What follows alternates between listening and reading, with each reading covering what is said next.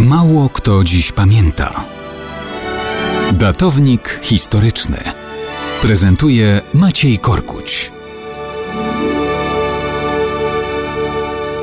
Mało kto dziś pamięta, że dzieje Europy ostatnich 3000 lat to swoiste dzieje przepychanki. Zanim w różnych częściach kontynentu rozpanoszyli się różni przybysze z północy i ze wschodu, kilka wieków przed narodzinami Chrystusa znaczną część całej Europy zamieszkiwali Celtowie. Mieszkali nie tylko na Wyspach Brytyjskich, gdzie do dzisiaj możemy spotkać Irlandczyków, Walijczyków i ich pobratymców. Na kontynencie zasiedlali również całą dzisiejszą Francję. To byli Galowie oczywiście, ale też znaczne obszary dzisiejszych Niemiec, Niemiec, Czech i okolic dzisiaj zamieszkanych przez Słowian. Hiszpania również była celtycka w całości, tyle że tam celtyccy przybysze zmieszali się z wcześniej tam mieszkającymi Iberami, stąd nazwa Ibero-Celtowie. Na południowym wschodzie celtyckie osadnictwo sięgało aż po Azję Mniejszą, czyli dzisiejszą Turcję. Było tych Celtów sporo, ale oczywiście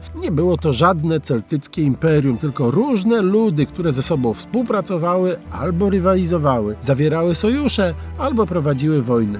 Prowadziły też podboje. Naszą wyobraźnię o czasach antycznych zawładnęli Grecy i Rzymianie. Tymczasem jeszcze w 387 roku przed Chrystusem w Rzymie nie śniło się nawet o wielkim imperium, kiedy to właśnie celtyccy Gallowie z północy byli źródłem zagrożenia, bo dokonali sławetnej inwazji na Italię i zdobyli niemal całe miasto Rzym. Niemal bo na Kapitolu z uporem trwali obrońcy. Zgodnie z przekazywaną później z pokolenia na pokolenie legendą, w końcu posnęli na posterunkach. I celtyccy Gallowie niechybnie by ich roznieśli, gdyby nie gęganie gęsi, które obrońców zaalarmowały i uratowały w ten sposób od klęski. Jeszcze stulecia minął, zanim Cezar w imieniu tegoż Rzymu podbije całą Galię i włączy ją w granice rosnącego imperium. No cóż, Celtów żadne gęsi już nie uratowały.